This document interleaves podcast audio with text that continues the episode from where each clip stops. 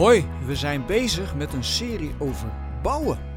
En dan kun je natuurlijk niet om een van de belangrijkste bouwwerken uit de Bijbel heen, natuurlijk de tempel. Er staat nog een stukje muur van de tempel in Jeruzalem, de klaagmuur, maar dat is niet van de tempel die koning Salomo heeft gebouwd. Dat is van de tempel van Herodes. Naast een heleboel slechte dingen deed hij ook een paar goede voor het volk. En dat was onder andere het verfraaien van de tempel. Voor de rest was het een grote schurk. Maar de tempel van Salomo is verloren gegaan toen de Babyloniërs Jeruzalem veroverden en de hele boel platbrandden. Wat ik altijd zo mooi vind aan de verhalen die over de tempel gaan, in het boek Koningen, dat is dat er altijd het besef is dat God er niet letterlijk in woont. Om dat op te vangen hebben de Israëlieten het er dan ook over dat Gods naam er woont. Hij is aanwezig in de tempel, maar hij woont er niet letterlijk.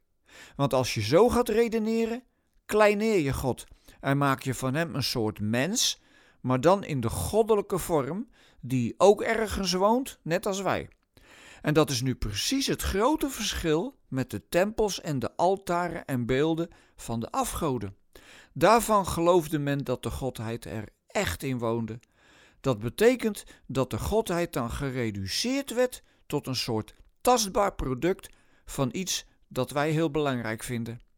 In Canaan hadden ze veel vruchtbaarheidsgoden.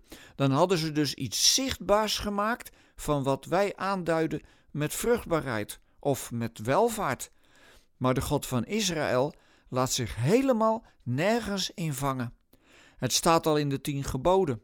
Je mag geen gesneden beeld maken om te aanbidden.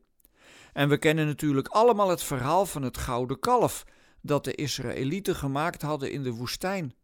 Mozes was op de berg Sinaï en ze vonden het maar gedoe. Dat het ging over een God die je niet kon zien en die je niet in je vingers kon krijgen. Nou, dan maak je gewoon een beeld en je zegt: Dit is hem. Maar als je dat doet, maak je de godheid altijd kleiner, want hij is niet groter dan het beeld. Dus als je een beeld van God zou maken, beperk je hem tot het beeld. Terwijl Salomo in zijn gebed bij de inwijding van de tempel al zegt: Zelfs de hoogste hemel kan u niet bevatten. Laat staan dit huis dat ik voor u heb gebouwd. God is altijd groter. Dat geldt ook voor onze denkbeelden en opvattingen over Hem. Die mag je hebben, als je maar beseft dat God dus altijd groter is dan wat jij over Hem meent te weten. Dat is heel goed om in de gaten te houden, want dan leer je ook om je eigen mening wat te relativeren en er anderen niet mee om de oren te slaan.